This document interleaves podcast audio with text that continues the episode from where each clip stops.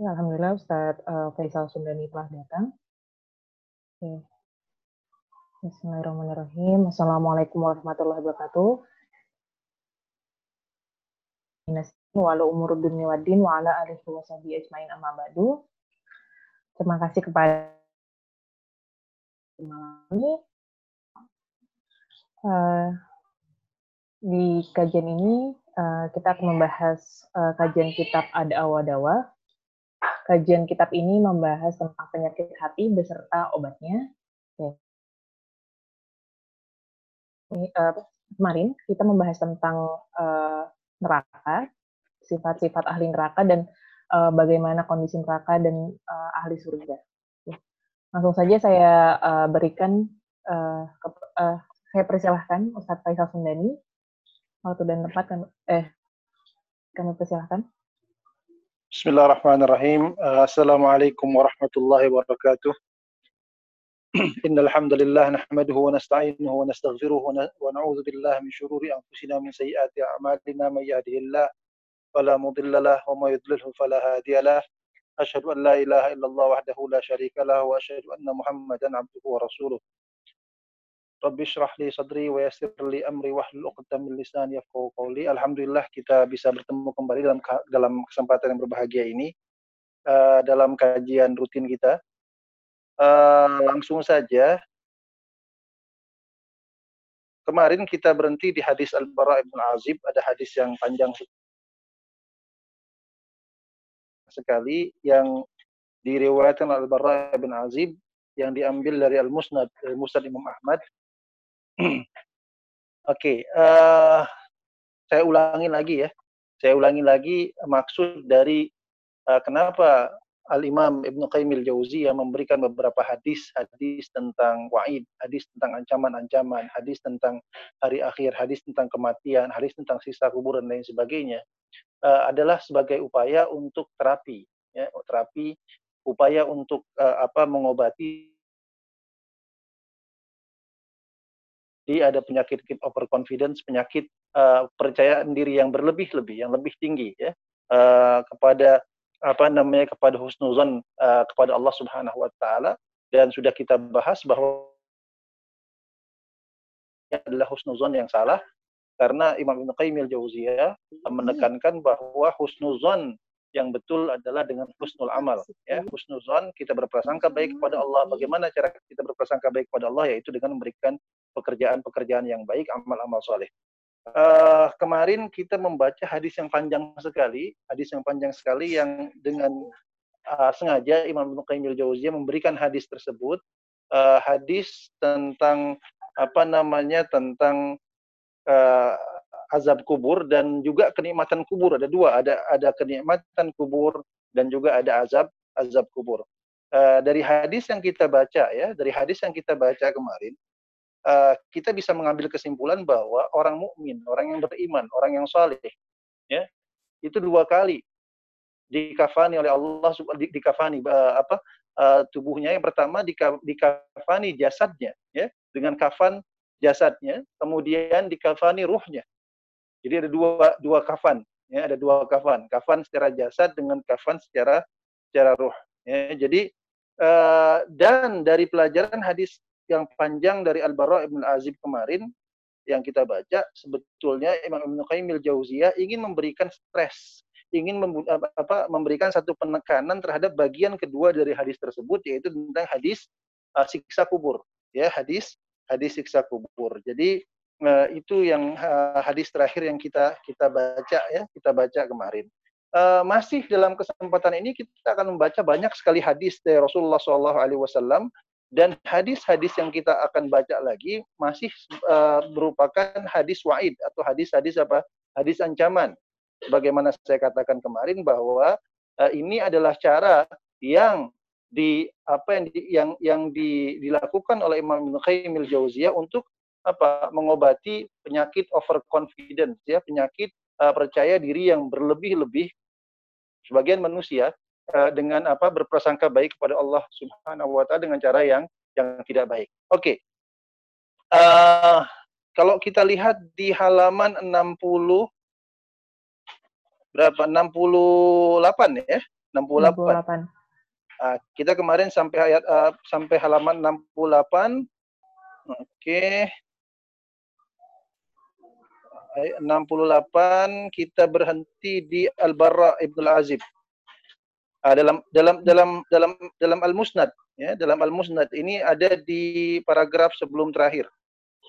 Ya, dalam hmm. Al-Musnad juga dari Al-Barra bin Azib saat kami bersama Rasulullah sallallahu alaihi wasallam ya, wa fi musnad aidan anhu anil Barra ibn al-Azib bainama nahnu ma'a Rasulillah sallallahu alaihi wasallam ketika kami bersama Rasulullah sallallahu alaihi wasallam uh, dan beliau melihat sekumpulan orang ya beliau bertanya mengapa mereka berkumpul baju udah maksudnya wajah baju enggak ada kan udah halo maaf sebentar ini. sebentar okay.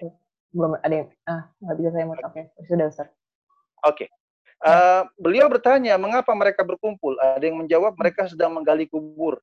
Ya, Rasulullah Shallallahu Alaihi Wasallam tampak kaget. Beliau segera berlalu dari hadapan para sahabat. Setelah sampai di kuburan tersebut, beliau berlutut.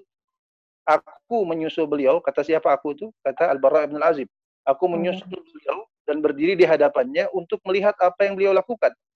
Ya, beliau pun menangis hingga tanah menjadi basah oleh air matanya. Beliau lalu menghadap kami dan berkata, ya, ikhwani limithli hadzal yaum fa'iddu wahai saudara-saudaraku persiapkanlah dirimu persiapkanlah diri-diri kalian untuk hari seperti ini. Jadi ini hari yang yang yang kita sudah ceritakan tadi bagaimana seorang uh, apa namanya seorang ahli neraka ketika apa namanya ketika bersakit-sakitan ya disiksa oleh Allah Subhanahu wa taala uh, bahkan sebelum sampai ke neraka ketika dikubur itu sudah di, disiksa. Kemudian sebaliknya ahlul jannah sampai dikubur diberikan kenikmatan oleh Allah Subhanahu wa taala sehingga apa? Sehingga mereka tidak sabar untuk menunggu hari kiamat. Jadi kalau ahli surga tidak sabar menunggu hari kiamat kalau ahli neraka mereka tidak mereka takut ya. Takut mereka mereka khawatir eh, mereka sangat apa sangat ketakutan untuk apa? Untuk menghadapi hari hari kiamat itu. Jadi jadi ada ada dua perumpamaan yang sangat ber, berlawanan antara ahlu surga dan ahlu uh, neraka. Ya. Jadi hadis yang lain, ya ini ini ini tadi Rasulullah Wasallam berkata, berkata ay ikhwani limisli hadzal yaum fa'iddu. Oke, okay, ada satu ada satu hal yang perlu kita pelajari bagaimana Rasulullah Wasallam dikatakan dalam hadis ini fabaka hatta balla thara min dumu'ih. Rasulullah Shallallahu Alaihi Wasallam menangis hingga tanah menjadi basah oleh air matanya ya Nabi Muhammad SAW orang seorang ahli surga, seorang yang sudah dijamin masuk surga. Ketika melihat kuburan, ya belajar tentang bagaimana uh, melihat orang yang menggali kubur, ya kemudian ingat mati, ingat kematian, beliau pun menangis gitu. Beliau menangis sehingga tanah menjadi basah oleh air matanya. Ya. Uh, kemudian wafil musnad min hadisi Buraidah dari dalam dan dalam al musnad, al musnad itu adalah kitab Imam Ahmad ya uh, Imam Ahmad bin Hambal. Dalam Al-Musnad dari Buraidah ia berkata, pada suatu hari Rasulullah Shallallahu alaihi wasallam mendatangi kami. Ya, beliau menyuruh sebanyak tiga kali. Hmm. Wahai sekalian manusia, atadruna ma misli wa ma masali wa masalukum? Wahai sekalian manusia, apakah kalian mengetahui perumpamaan antara aku dan kalian? Hmm. Allah dan Rasulullah lebih mengetahui. Jadi ketika ini ada para sahabat, ada para sahabat itu mereka nggak sotoy.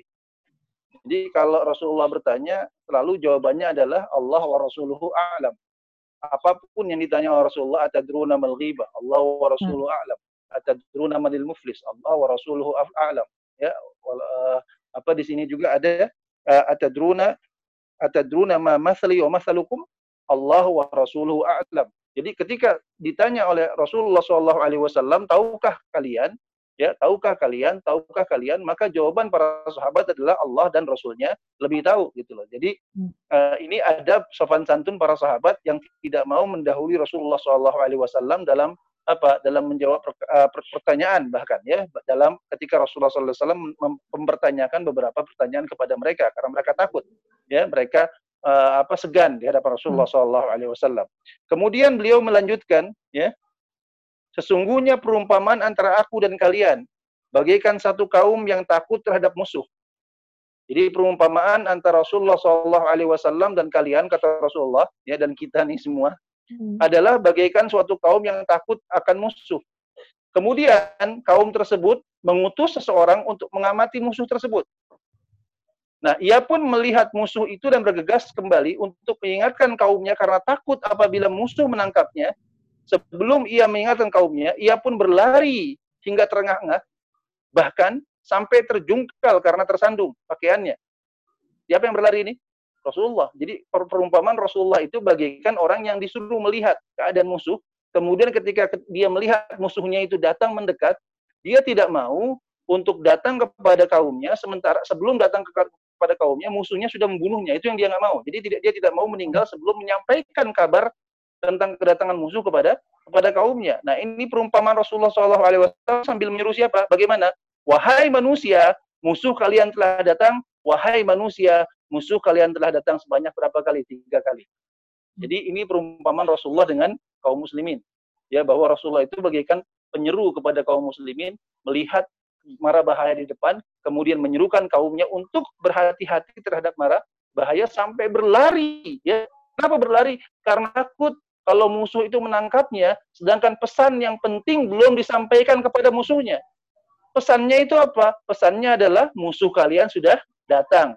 Musuh kalian sudah datang. Musuh kalian sudah cuma tiga kali. Jadi Rasulullah SAW adalah nadir, adalah penyeru, adalah apa namanya yang memberikan memberikan seruan kepada kaumnya, yang yang menyampaikan ancaman-ancaman kepada kaumnya. Jadi uh, di sini adalah salah satu uh, bukti yang bisa kita katakan kepada orang-orang uh, kembali kepada apa kepada kepada objektif dari siapa? Dari Imam Ibnu Qayyim Jauziyah yaitu untuk mengobati penyakit overconfidence ya penyakit kepercayaan diri yang berlebih terhadap apa? Terhadap husnuzon kepada Allah Subhanahu wa taala yang selalu mengatakan bahwa Allah itu Maha Pengasih Rasulullah Rasul Rahmah Rasul yang apa? Rasul yang memberikan kabar-kabar gembira dan lain sebagainya. Tetapi Rasul juga bukan hanya memberikan kabar gembira tapi ada kabar-kabar yang tidak baik ya. Hmm, ada kabar baik dan kabar buruk.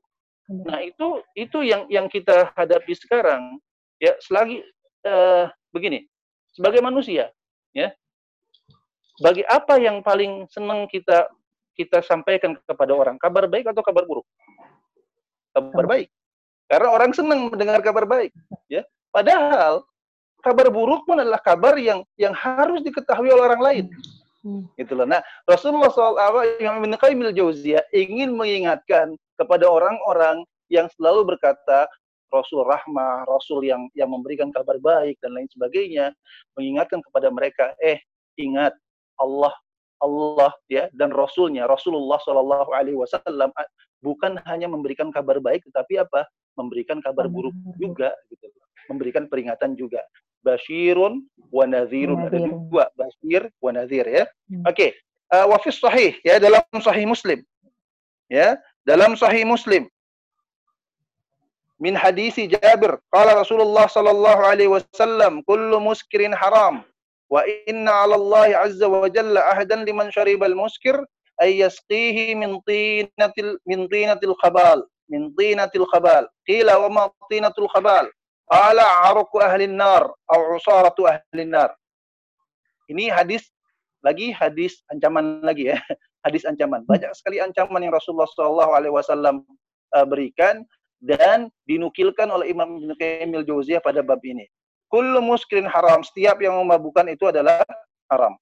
Wa inna 'ala Allah 'azza wa jalla ahadan liman syaribal muskir ay yasqiyahu min tinatil khabal ya bahwa Rasulullah bahwa Allah Subhanahu wa taala Allah Subhanahu wa taala telah telah berjanji terhadap siapa saja yang meminum minuman yang memabukkan bahwa ia akan memberi minum ya memberikan minuman yang bernama apa? Tinatul khabal. Ada minuman yang namanya apa? Tinatul khabal. Tila para sahabat bertanya wahai Rasulullah wa tinatul khabal? Apa itu tinatul khabal Qala Rasulullah sallallahu alaihi wasallam araku ahli nar keringat penghuni neraka. Au usaratu ahli nar atau cairan perasaan tubuh penghuni neraka itu minuman apa orang-orang yang suka meminum minuman keras di dunia. Hmm. Orang-orang yang minum minuman keras, ya minum khamar, kemudian mabuk sambil bilang apa Allah itu maha pengampun. Biarlah saya minum khamar, kenapa? Karena Allah itu maha pengampun. Allah itu pengampun dosa, Allah itu maha pengasih, maha penyayang, Ya. Allah itu ghafurur rahim, Ah, Allah itu apa? Allah itu uh, menyayangi umatnya, menyayangi manusia, ya. Dan dan Allah Subhanahu wa taala mengampuni dosa walaupun dosa itu apa sebesar buih. Hmm. Kemudian Imam Ibnu Qayyim al-Jauziyah mengingatkan mereka, lihat ini bahwa hukuman pun banyak dari Allah Subhanahu wa taala. Banyak wa'id, banyak ancaman ya dari Allah Subhanahu wa taala di antaranya ancaman apa? Tinatul khabal. Ada minuman spesial namanya tinatul khabal. Tinatul khabal itu adalah minuman yang dibuat dari keringatnya ahlu neraka. Penduduk neraka keringatnya dikumpulin dijadiin minuman. Hmm. Ausaratu ahli nar yaitu apa? Perasan dari tubuh penghuni neraka waliyadzubillah. Auzubillah. Ya, ini ini eh, diberikan kepada orang yang menikmati khamr pada kehidupan dunia. Ya. Jadi khamr itu minuman di di apa di jannah. Ya, khamr ya, lazzatul syaribin khamr. Eh, nah, orang yang mendahului minum khamr dunia, ya Allah berikan apa? Tinatul khabal. Ya, itu itu hadis yang diriwayat dari hadis uh, sahih dari Jabir bin Abdullah ya itu ada dalam sahih Muslim. Kemudian dalam Musnad Imam Ahmad Abu Dzar Al-Ghifari ya beliau berkata bahwa Rasulullah SAW bersabda inni ara ma la tarawun kata Rasulullah SAW inni ara ma la tarawun wa asma' ma la tasma'un. Ya. Rasulullah SAW bersabda inni ara ma tarawun sesungguhnya aku melihat apa yang engkau tidak lihat. Wa asma' ma la tasma'un dan aku mendengarkan apa yang tidak bisa kalian dengarkan. Abtatis sama'u wa haqqo laha an ta'id wa ma fiha mawdi'u arba'i asabi illa wa alaihi malakun sajid. Kata Rasulullah sallallahu alaihi wasallam apa? Langit mengeluarkan suara semacam rintihan ya. Hmm. dan ia memang berhak untuk itu. Rasulullah SAW bersabda bahwa tidaklah di dalamnya terdapat suatu tempat sebesar empat jari. Jadi setiap empat jari itu ada apa? Setiap empat jari melainkan terdapat malaikat yang sujud. Ya malaikat yang yang sujud. Lau ta'lamuna ma'alam kata Rasulullah sallallahu alaihi wasallam. Seandainya engkau tahu apa yang aku ketahui, la dhahiktum qalilan wa la bakaitum katsiran. Kata Rasulullah sallallahu alaihi wasallam, kalaulah engkau mengetahui apa yang aku ketahui, maka engkau akan sedikit tertawa dan banyak menangis. Ini kata Rasulullah. Hmm. Bukan cuma itu, wa ma taladzattum bin nisa 'alal furush. Kalian tidak akan menikmati wanita, ya. Wala kharajtum ila su'udat, ya. Engkau tidak akan keluar, ya, ke tempat-tempat. Ya, ke tempat-tempat. Eh, kenapa? Karena karena rasa takut. Kenapa? Eh, Rasulullah SAW mengatakan bahwa la kharajtum ila su'udat taj'aruna ila Allah azza wa jalla. Allah Subhanahu eh, Rasulullah sallallahu alaihi wasallam berkata dan kalian akan keluar ke jalan-jalan untuk memohon pertolongan kepada Allah Subhanahu wa taala. Jadi apa? Eh, panik. Karena kalian mengetahui apa yang apa kar- karena Rasulullah SAW melihat apa yang kita tidak lihat. Ya, kalaulah seandainya kita bisa melihat apa yang Rasulullah SAW lihat, maka kita akan panik, kita akan keluar ke jalan-jalan dan meminta tolong kepada Allah Subhanahu wa taala, berteriak-teriak. Kenapa? Karena kita kita panik, ya. Jadi kita tidak akan bersenang-senang. Kita tidak akan banyak tertawa. Ya, kita nggak akan banyak eh, riak. Kan sekarang banyak orang pamer-pamer apa yang dia punya ya. Banyak orang eh, memperlihatkan dia punya mobil berapa miliar, dia punya mobil berapa banyak, dia punya eh, koleksi motor ada berapa ya. Eh, ingat hadis yang kemarin kita baca. Ya, hadis yang kemarin kita baca dikatakan bahwa eh, calon penghuni surga dimas dicelupkan sedikit eh, calon penghuni neraka dicelupkan sedikit ke azab api neraka apa yang terjadi Lupa maka dia akan lupa kenikmatan-kenikmatan dunia yang dia punya, Harley Davidson yang dia punya, ada mobil apa balap yang dia punya, mobil sport yang dia punya, dia akan lupa. Kenapa? Karena dicelupkan sekali ke, ke api neraka. Hmm. Sebaliknya orang yang paling miskin di dunia, yang paling sengsara di dunia, dicelupkan sekali ke surga, maka dia akan lupa penderitaan-penderitaan yang dia dia lalui di di dunia. Jadi Hmm. sedikit saja. Nah, Rasulullah SAW bersabda bahwa kalaulah seandainya engkau tahu apa yang aku tahu, Kenapa? Karena Rasulullah SAW banyak mengetahui apa yang kita tidak ketahui. Kenapa? Karena Rasulullah SAW banyak apa? Banyak menerima wahyu dari Allah Subhanahu Wa Taala. Banyak banyak apa? Melihat melihat apa yang contoh yang paling yang paling yang paling gamblang adalah ketika Rasulullah SAW Isra dan Mi'raj dari dari dari Mekah ke uh, ke Jerusalem ya, dari Mekah ke uh, ke ke ke Masjidil Aqsa, dari Masjidil Aqsa ke Sidratul Muntaha. Bagaimana Rasulullah Shallallahu alaihi wasallam dilihatkan bagaimana ahwal atau keadaan orang-orang penduduk neraka. Kita lihat kemarin hadis bagaimana orang-orang yang mencakar mukanya dengan apa? Dengan dengan dengan cakar-cakar mereka yang dari tembaga itu ya yang memotong memotong lidahnya, memotong apa mulutnya uh, dengan dengan apa dengan dengan gunting ya itu banyak sekali diperlihatkan kepada Rasulullah SAW. Sedangkan kita hmm. kita hanya mendengar kabar, mendengar berita, membaca hadis Rasulullah SAW yang hidup uh, eh, 1400 tahun yang lalu, ya. Nah Rasulullah SAW melihat langsung, ya, melihat langsung kejadian itu, hukuman itu. Rasulullah bersabda, kalaulah engkau mengetahui apa yang aku ketahui, melihat apa yang aku lihat, maka engkau akan banyak menangis daripada tertawa. Hmm. Ya, ini hadis ini juga melihat ada satu gabungan antara khauf dan roja. Jadi kalau manusia itu nggak bisa khauf terus, takut terus nggak bisa. Harus ada rojaknya juga. Hmm. Ya, dan tidak bisa kebanyakan rojak, harus ada khaufnya juga. Oh. Untuk itu Rasulullah SAW ada la dhahiktum qalilan wala bakaitum kasiran. Ada dhahik, ada tertawa, ada menangis. Ya, walaupun qalilan berarti ada tertawanya kan. Wala hmm. bakaitum kasiran. Jadi jadi ini adalah gabungan yang seimbang antara khauf dan dan roja. Dan kenapa kita sekarang banyak tertawa, kita banyak hiburan, kita banyak ter, uh, apa bercanda dan lain sebagainya? Karena kita nggak melihat. Kita tidak melihat neraka. Bayangkan, kalaulah seandainya kita punya kemampuan, ya Allah berikan, Allah berikan kita kemampuan sekali saja melewati ke atas kuburan dan melihat orang diazab di dalam kubur. Apakah kita masih bisa tertawa? Apakah kita masih bisa bersenang-senang dan lain sebagainya? Itulah apa yang terjadi kita akan panik, kita akan lari keluar ke jalanan, ya. Kemudian minta tolong kepada Allah Subhanahu wa taala, berteriak-teriak minta ampunan, minta tolong kepada Allah Subhanahu wa taala. Jadi uh, ini ini adalah satu satu apa satu peringatan dari Rasulullah Shallallahu Alaihi Wasallam ya bahwa sesungguhnya yang terjadi itu lebih menakutkan dari apa yang kita ketahui. Kenapa? Karena kita nggak ketahui banyak. Ya, yang terkadang kita kan mengetahui kan sedikit saja. Ya, sama banyak orang sekarang mengatakan bahwa kalaulah kita semua punya ilmu medis setingkat dokter medis, ya, mungkin kita nggak ada yang mau keluar dari kejalanan. Kenapa? Karena karena karena dokter melihat melihat bagaimana orang-orang yang sakit karena corona, bagaimana mereka apa namanya orang-orang yang yang eh, yang yang terkena corona kemudian harus memakai ventilator, kemudian uh, apa namanya uh, banyak juga tenaga uh, apa tenaga kesehatan yang yang mulai gugur satu persatu dan lain sebagainya.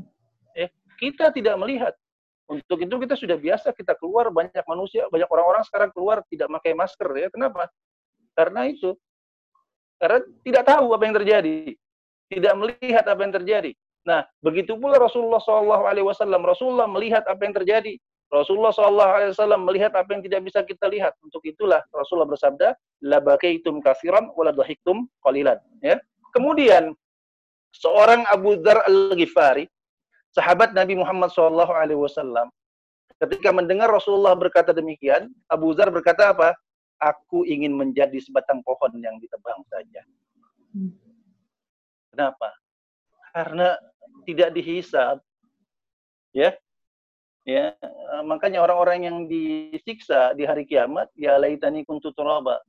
Ya Allah, ya andaikanlah aku adalah apa adalah turab adalah debu. Kenapa? Debu tidak dihisab oleh Allah Subhanahu wa taala. Dan Abu Dzar Al-Ghifari, seorang sahabat yang ibadahnya kuat. Abu Dzar, siapa yang tidak kenal Abu, Abu Dzar Al-Ghifari? Beliau berkata apa? Aku ingin menjadi sebatang pohon yang ditebang tadi. Karena kenapa? Karena mendengar hadis ya Rasulullah SAW bersabda apa? Labaik labakaitum kasiran waladahiktum qalilan. Oke. Okay. Dalam Al-Musnad ya, hadis Huzaifah. Ada hadis dari sahabat Huzaifah ya. Ia berkata, kami pernah mengiringi jenazah bersama Rasulullah wasallam. Setibanya di kuburan, beliau duduk di tepinya dan berkali-kali melihat ke dalamnya. Ya, beliau pun bersabda, "Yudghatul mu'min fihi dhaqtatan." Ya, tazulu minha hamailuhu wa yumlau 'alal kafiri naran. Di dalam kubur ini kata Rasulullah sallallahu alaihi wasallam, orang mukmin dihimpit dengan suatu himpitan yang menghancurkan urat-urat kedua testisnya. Hmm. Ini kalau laki-laki jadi kedua testisnya itu sampai hancur ya karena dihimpit. Sedangkan kuburan orang kafir dipenuhi dengan api-api. Ya, jadi jadi uh, bukan hanya orang kafir tetapi orang muslim yang fasik, orang muslim yang berbuat uh, apa berbuat dosa ya itu akan disiksa oleh Allah Subhanahu wa taala dalam hmm. dalam kubur ya. Jadi uh, apa namanya ini adalah adalah waid, beberapa hadis waid ya banyak sekali hadis waid Nah, ini salah satu lagi, ini ya, sangat menarik dari dalam Al-Musnad, Musnad, bin, uh, Musnad Imam Ahmad, hadis Jabir bin Abdullah juga, ia berkata, kami pernah pergi bersama Rasulullah Shallallahu Alaihi Wasallam ke tempat Saad bin Muaz ketika ia meninggal. Saad bin Muaz ini adalah para hmm. seorang sahabat Nabi Muhammad Shallallahu Alaihi Wasallam yang dikatakan bahwa ketika Saad bin Muaz meninggal, ya ihtazzat arashur rahman. Ya arasnya Allah itu bergetar ketika siapa? Ketika Saad bin Muaz meninggal karena saking dicintainya oleh Allah, oleh Allah Subhanahu wa taala ya. Nah, eh, kami pernah pergi bersama Rasulullah SAW ke tempat Sa'ad bin Muaz ketika ia meninggal. Ya, setelah Rasulullah SAW mensalatkan dan jenazahnya diletakkan dalam kubur serta kuburan tersebutlah diratakan, beliau bertasbih, ya. Kami pun bertasbih dalam waktu yang lama. Sesudah itu beliau bertakbir, ya. Kami pun bertakbir dalam waktu yang lama. Ada yang bertanya, wahai Rasulullah, mengapa kau bertasbih kemudian bertakbir? Rasulullah SAW menjawab, laqad tadayaqa ala hadzal 'abdi salih qabrahu ya laqad tadayaqa ala hadzal 'abdi salih qabruhu hatta farrajallahu anhu Rasulullah SAW bersabda kuburan tersebut telah menghimpit hamba yang saleh ini ya hamba yang saleh ini jadi ada kata hamba yang saleh dihimpit dalam kuburan itu sehingga akhirnya Allah melapangkannya. Itu kuburan siapa? Kuburan Sa'ad bin Mu'az. Sa'ad bin Mu'az yang ketika beliau meninggal, ihtazzat arashur rahman. Arasnya ar-Rahman, arasnya Allah itu bergetar. Siapa saya? Siapa kita? Ya. Siapa bapak kita? Siapa kakek kita? Hmm. Ya. Tidak ada apa-apanya dibanding dengan Sa'ad bin Muaz. Ketika Sa'ad bin Muaz, ya, dan Rasulullah SAW bersabda, "Laqad tadayaqa ala hadzal 'abdi salih." Rasulullah tidak mengatakan ala hadzal mu'min, tetapi ala hadzal 'abdi salih, ke atas hamba Allah yang soleh ini. Kalaulah hamba Allah yang soleh itu kuburannya dihimpit, ya, dan tidak apa? tidak dilapangkan kecuali atas izin Allah Subhanahu wa taala atas kerahmatan dari Allah Subhanahu wa taala. Siapa kita? Ini adalah satu poin ya, satu poin di mana ar-roja ya, pengharapan kepada Allah, husnuzon kepada Allah itu harus dengan amal soleh. Nah, amal soleh yang abdus soleh ini, ya hamba yang soleh ini, karena amal solehnya apa? Allah Subhanahu wa taala memberikan rahmatnya kepada kepada kepada hamba ini apa yang terjadi dan dilapangkanlah kuburnya. Ya, jadi jadi ini ini adalah pelajaran yang sangat besar sekali ya uh, kepada kita bahwa ya se sekelas Sa'ad bin Muaz ya, sekelas sahabat yang bernama Sa'ad bin Muaz ya kuburnya pun apa Rasulullah SAW mengatakan bahwa kalau bukan karena rahmat Allah Subhanahu wa taala apa yang terjadi tidak akan dilapangkan kuburnya. Walau akhirnya di lapang apa Allah farrajallahu anhu maka Allah melapangkan kuburan dari hamba yang soleh ini. Oke. Okay. Uh, hadis selanjutnya dalam Sahih Bukhari dari Abu Sa'id Al-Khudri ia mengatakan bahwa Rasulullah sallallahu alaihi wasallam bersabda, "Idza wudi'atil janazatu a'naqihim fa in kanat salihatan qalat qaddimuni qaddimuni wa in kanat ghayra salihatin qalat ya wailaha aina tadhhabuna biha yasma'u sautaha yasma'u sautaha kullu syai'in illa al-insan walau al-insan la su'ik ketika jenazah telah diletakkan dan diusung oleh orang-orang yang di atas pundak-pundak mereka. Diusung di atas pundak-pundak mereka jenazah jika dahulu ia orang saleh ia berkata segerakanlah aku segerakanlah aku segerakanlah aku kata siapa? Jenazah tersebut ya. Namun jika dahulu ia bukan orang yang saleh ia berkata duhai celakalah aku ke mana kalian membawaku? Nah, suara ini itu tinggi sekali, meninggi, terdengar oleh semua makhluk kecuali manusia. Nah, itu termasuk Ya, kalau kita tahu kita mendengar apa yang kita nggak bisa dengar itu apa yang terjadi coba? Ya, Pingsan. Rasulullah pingsan. Rasulullah ber- bersabda apa? Seandainya manusia terdengar, tentulah ia akan pingsan. La sa'iqal insan. Ya, apabila mendengar, apabila kita bisa mendengar bagaimana jenazah itu berteriak-teriak, bagaimana jenazah itu berteriak-teriak di atas apa? Tandu itu. Ya, di atas tandu itu berteriak-teriak, ya ke- ke mana saya akan dibawa, ke mana saya akan dibawa, maka kita tidak akan bisa tertawa. Saya yakin joke bagaimanapun, ya lawakan bagaimanapun, stand up yang akan yang bagaimanapun tidak akan bisa membuat kita tertawa. Hmm. Nah, itulah. Ingat hadis Nabi Muhammad SAW, bagaimana Mikail tidak pernah ketawa. Mikail Hmm. tidak pernah ketawa semenjak Allah Subhanahu wa taala menciptakan neraka dan Mikail menyaksikan neraka, Mikail tidak pernah tertawa. Nah, Itu. Kenapa kita masih bisa tertawa? Karena apa? Karena kita tidak tahu banyak. Kita tidak melihat banyak, kita tidak banyak mendengar. Ya, jadi kita masih bisa tertawa, bercanda ya dan uh, mungkin ini hikmahnya. Karena karena karena kalau tidak mungkin ya, kita tidak tidak sanggup untuk mendengar, ya. Dalam Musnad Imam Ahmad, hadis dari Umar, Abu, Abu Umamah yang mengatakan bahwa Rasulullah SAW bersabda, "Tadnu syamsu yawmal qiyamah, tadnu syamsu yawmal qiyamati ala qadri mil." Pada hari kiamat, matahari itu jaraknya adalah satu mil, ya. Uh, jaraknya adalah satu mil. Wa yuzadu fi harriha kadza wa kadza. Panasnya akan bertambah sekian dan sekian. Tagli min harruus kama taglil qudur. Orang-orang eh, kepala-kepala akan mendidih sebagaimana panci yang mendidih kalau orang masak air itu panci mendidih itu bagaimana ya ya'raquna fiha ala qadri khatayahum orang-orang akan mengeluarkan keringat sesuai dengan dosa-dosa mereka ya minhum man yablughu ila ka'baihi di antara mereka ada yang sampai mata kakinya keringatnya itu sampai mata kaki keringat ya kita bicara tentang keringat ini bukan banjir ya keringat Hmm. wa minhum man yablughu ila saqai di antara mereka ada yang keringatnya sampai ke mana? Sampai ke betis. Ya, kedua betisnya. Wa minhum man yablugh ila wasatihi. Dan di antara mereka ya ada yang apa? Yang keringatnya itu sampai ke perutnya. Ya. Ini bentar ya. Komputernya mati. Oke. Wa minhum belum ila ila dan di antara mereka ada yang apa? Ada yang tersekat oleh oleh apa namanya? oleh eh, oleh keringat. Ya.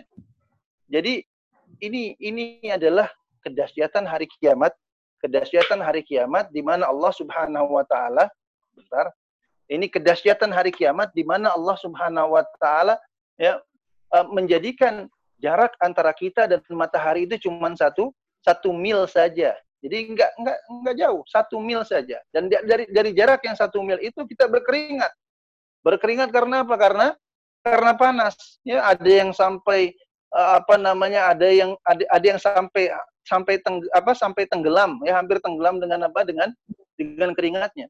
Nah, jadi jadi itu adalah hadis ancaman.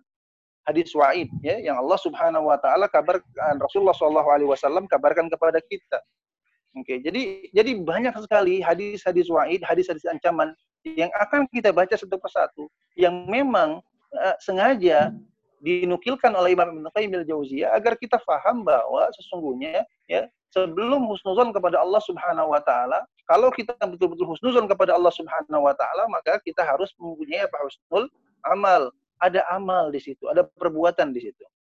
Nah, dalam dalam Al-Musnad dari Ibnu Abbas ya, Nabi Muhammad SAW alaihi wasallam bersabda, "Kaifa an'amu wa sahibul qarni qad iltaqamul qarn." Wa hatta.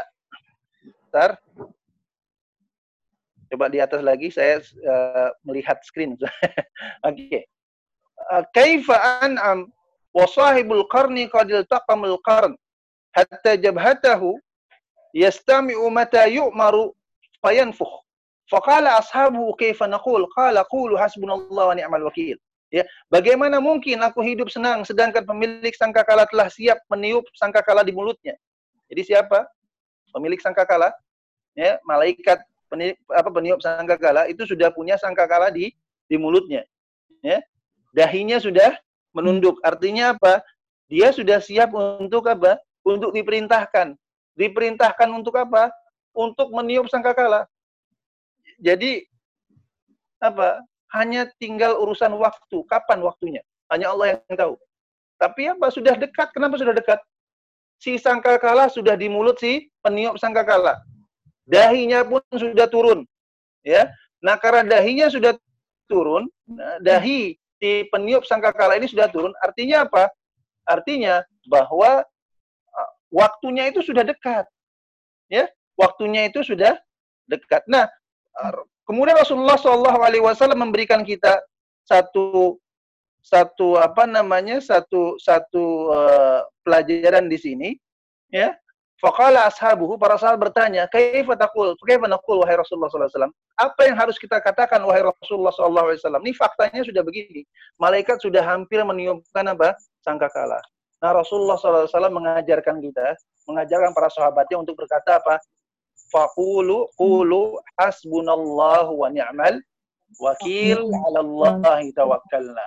Ini hasbunallahu wa ni'mal wakil 'ala Allahi tawakallah ini beberapa azkar, beberapa zikir yang kita bacakan ya, kita baca hasbunallahu wa ni'mal wakil 'alallahi tawakkalna. Ini ini uh, menarik menarik zikir hasbunallahu wa ni'mal wakil ini. Ini ada dua kesempatan ya, ada dalam ada dua apa dua posisi di mana kalimat hasbunallah wa ni'mal wakil ini diucapkan ya dia bisa diucapkan dengan tujuan jalbun eh, na'ma yaitu untuk meminta kenikmatan dari Allah Subhanahu wa taala dan juga diucapkan apa? Daful makruh ketika kita tidak mau kejahatan datang kejelekan datang kepada kita. Ini ini termasuk zikir yang multiguna. Jadi bukan hanya digunakan ketika kita takut atas satu ancaman ya tetapi juga digunakan untuk apa untuk jalbul na'ma yaitu untuk berdoa kepada Allah Subhanahu wa taala untuk mendatangkan satu kenikmatan dari Allah Subhanahu wa taala. Kita punya satu pengharapan ya. Pengharapan apa? Pengharapan surga. Pengharapan apa? Rahmat dari Allah. Pengharapan apa? Pengharapan satu taufik dari Allah Subhanahu wa taala. Pengharapan apa? Pengharapan kekuatan untuk menghadapi kehidupan yang berat ini. Pengharapan apa? Pengharapan untuk kekuatan untuk apa? Untuk menghadapi apa? Matahari yang jaraknya satu mil dari dari kepala kita. Ya. Pengharapan apa? Pengharapan untuk selamat di hari kiamat. Apa yang kita bacakan? Hasbunallah wa ni'mal wakil. Karena di waktu yang sama kita juga memohon ampun dari Allah dijauhkan dari mara bahaya dijauhkan dari kekufuran. Karena penyakit yang terbesar, yang paling bahaya adalah penyakit kekufuran. Ya, virus yang paling bahaya adalah virus kekufuran. Ah, kemudian di bawahnya ada virus kefusukan atau kefasikan. Ya, jadi jadi kita minta dijauhkan dari hal sedemikian. Kenapa? Karena karena memang ini kenapa hasbunallah wa ni'mal wakil wa tawakkalna. Ini ini pertama hasbunallah wa ni'mal wakil cukuplah Allah sebagai apa?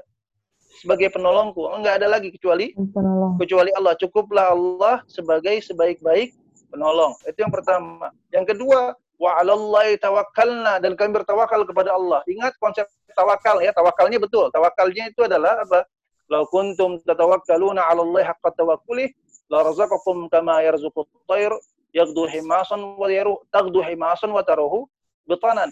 Rasulullah bersabda bahwa kalaulah seandainya engkau ya bertawakal kepada Allah dengan tawakal yang sebenar-benarnya maka engkau akan diberikan oleh Allah Subhanahu wa taala rizki. Sebagaimana apa? Sebagaimana burung diberikan rizki oleh Allah Subhanahu wa taala. Kenapa burung diberikan rizki karena tawakal? Karena tawakalnya burung itu itu sudah benar. Bagaimana tawakalnya burung? Dagdu himason wa taruhu bitonan. Pagi-pagi keluar mencari rizki. Kemudian datang lagi dalam keadaan kenyang. Pagi-pagi eh, pagi-pagi apa? Perutnya kosong sore-sore perutnya berisi. Nah, tawakalna 'ala Allah di sini adalah ketika kita sudah berusaha beramal sebaik-baiknya, melakukan apa yang sepatutnya, maka kita bertawakal kepada Allah. Ya, itulah kalau kita keluar rumah. Keluar rumah itu kan sunnahnya apa? Bismillahirrahmanirrahim. Allah. Nah, ketika kita bilang Bismillahirrahmanirrahim itu, apa yang kita lakukan? Kita pastikan bahwa kompor sudah mati. Kita pastikan bahwa lampu sudah mati. Kita pastikan bahwa pintunya terkunci. Nah, tapi kalau kita keluar begitu saja, kita nggak peduli bahwa kita lagi masak, kita keluar, ya. Kemudian kita nggak peduli bahwa pintu itu nggak dikunci, kita nggak peduli bahwa gerbang itu masih terbuka, ya kita nggak peduli ini dan itu, apakah pantas dikatakan tawakal Allah? Tidak pantas. Makanya sebetulnya ini adalah kalimat yang jami, kalimat yang sangat komprehensif sekali. Rasulullah SAW mengajarkan kita, hasbunallah wa ni'mal wakil, ni'mal maula wa ni'mal Ya, uh, ini hasbunallah wa ni'mal wakil wa 'alallahi tawakkalna ya, wa 'alallahi tawakkalna. Ini ada dua. Yang pertama, hasbunallah wa ni'mal wakil. Cukup Allah sebagai penolong. Cukup Allah sebagai penolong. Enggak ada yang bisa menolong selain Allah Subhanahu wa taala. Selain Allah tidak ada yang bisa menolong. Kalaupun ada manusia yang menolong itu adalah sebagian dari pertolongan dari Allah Subhanahu wa taala. Itulah hasbunallah wa ni'mal wakil. Termasuk urusan surga dan neraka tidak ada yang bisa menolong kita untuk masuk surga kecuali Allah Subhanahu wa taala. Ya. Nah, kemudian yang kedua, wa 'alallahi tawakkalna. Nah, ini kita akan menutup dengan ini wa 'alallahi tawakkalna Ya, semoga Allah Subhanahu wa taala memberikan kita kekuatan untuk bertawakal kepada Allah dengan tawakal yang sebenar-benarnya tawakal. Ya, semoga Allah memberikan kita kekuatan untuk berhusnuzon kepada Allah dengan husnul amal. Yang dibarengi dengan husnul amal. Semoga Allah Subhanahu wa taala menjauhkan kita dari makarih, dari hal-hal yang tidak kita kehendaki dan juga dari hal-hal yang Allah tidak senangkan. Ya, jadi Semoga Allah menjauhkan kita dari itu semua. Uh, kita berdoa sama-sama mudah-mudahan Allah Subhanahu wa taala memberikan kita kekuatan. Semoga Allah Subhanahu wa taala menjauhkan kita dari fitnah, menjauhkan kita dari dari, dari mara bahaya, menjauhkan kita dari kebaan. Ya, semoga Allah Subhanahu wa taala mencabut uh, wabah ini. Ya. Allahumma dfa'anna al-waba wal bala wal zalazil wal fitan min baladina hadha khasatan min sa'iri biladil muslimin. ربنا هب لنا من ازواجنا وذرياتنا قرة اعين واجعلنا للمتقين اماما اللهم اشف مرضانا ومرضى المسلمين Ya Allah ya Tuhan kami, asfi mardana wa mardal muslim wa mardal muslimin. Sembuhkanlah penyakit orang-orang yang sedang sakit di antara kami dan di antara muslim. Allahumma asfi mardana wa mardal muslimin. ربنا ظلمنا أنفسنا وإن لم تغفر لنا وترحمنا لنكونن من الخاسرين ربنا آتنا في الدنيا حسنة وفي الآخرة حسنة وقنا عذاب النار Subhana rabbika rabbil izzati amma yasifun wa salamun alal mursalin alhamdulillah rabbil alamin. Alhamdulillah. Uh, terima kasih sudah bersabar ya, sudah duduk 40 42 menit ya, bukan 40 menit ini agak lari 2 menit. Uh, semoga Allah Subhanahu wa taala meridhoi majelis kita. Sebelum uh, saya akhiri uh, sekali lagi saya berpesan uh, kepada yang baru gabung ya coba bisa dikunjungi di Spotify ya dia ada podcast. Di situ ada pengajian dari edisi pertama kedua ketiga sampai uh, yang kita ada insya Allah saya akan upload lagi yang baru ya. Jadi begitu saja uh, saya kembalikan kepada moderator. Silahkan moderator. Ya Oh, iya kan, Ya, terima kasih uh, Ustadz Faisal Sundari, Masya Allah. Jadi uh, kita diingatkan tentang ancaman-ancaman uh, kubur dan ancaman-ancaman neraka, di mana itu uh, menurut uh, Imam Imam Ibnu Qayyim itu adalah sebagai terapi untuk menghilangkan burur, rasa berangan-angan kepada Allah dan agar kita menyeimbangkan antara khauf dan roja. Nah, dan juga tadi kita diingatkan ada salah satu azkar yang kuat, hasbunallah wa ni'mal wakil, alaihi tawakal. Uh, untuk teman-teman, insya Allah uh, kajian ini akan uh, dilaksanakan kembali seperti biasa di hari Selasa di jam yang sama, pukul 7.30 malam. Dan uh, mau ngingetin lagi, announcement juga, kalau misalnya uh, pada tanggal 21 Juni nanti kita ada program uh, pre-marriage class oleh Ustadz Misal Sundani Alsi uh, membahas tentang kehidupan uh, setelah pernikahan dan problem solving methodnya. Semoga teman-teman uh, bisa hadir ya. Waalaikumsalam. Eh, wassalamualaikum warahmatullahi wabarakatuh. Waalaikumsalam warahmatullahi wabarakatuh.